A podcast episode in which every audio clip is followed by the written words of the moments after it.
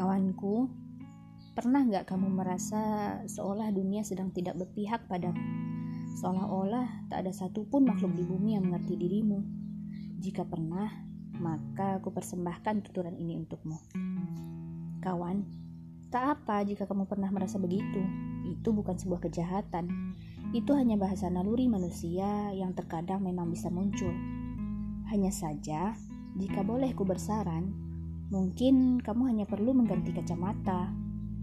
Jika ke mana pun matamu memandang, dunia seolah nampak buram olehmu, maka jangan terlalu cepat mengambil kesimpulan, karena belum tentu itu kenyataannya. Coba ganti dulu kacamatamu. Mungkin kacamatanya saja yang sedang berdebu.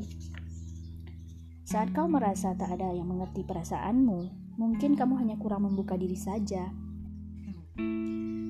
Kawanku, Kunci dalam setiap tali perhubungan adalah komunikasi. Kuulangi ya, kunci dalam setiap tali perhubungan adalah komunikasi. Hubungan apa pun itu, baik persaudaraan, persahabatan, atau bahkan pernikahan. Ketahuilah kawan, mereka sahabat-sahabatmu itu, mereka orang tua atau guru-gurumu, dia pasanganmu hanya manusia biasa mereka tak bisa membaca pikiranmu. Mereka tak mungkin bisa mengerti isi hatimu tanpa kau beritahu. Ungkapkanlah, keluarkan apa yang kau simpan di sudut hatimu.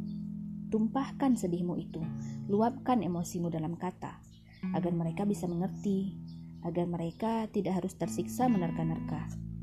Kawanku, terkadang kita terlalu cepat menghakimi. Tak ada yang peduli padaku.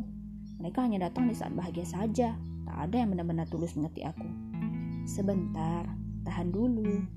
Bagaimana mereka bisa mengerti jika tiap kali mereka bertanya, kamu hanya menanggapi dengan sikap dingin sambil berkata, "Gak ada apa-apa kok." Lalu, pada saat mereka memilih untuk diam karena takut salah langkah, kamu berkesimpulan bahwa mereka tak peduli. Kawanku, gantilah dulu kacamatamu. Duduklah dengannya. Ungkapkan isi hatimu. Kalau perlu, menangislah. Sungguh, menangis bukan berarti petanda lemah. Allah karuniakan air mata memang untuk dikeluarkan pada waktunya. Menangislah, ceritakan pada mereka. Lalu lihat seberapa peduli mereka padamu.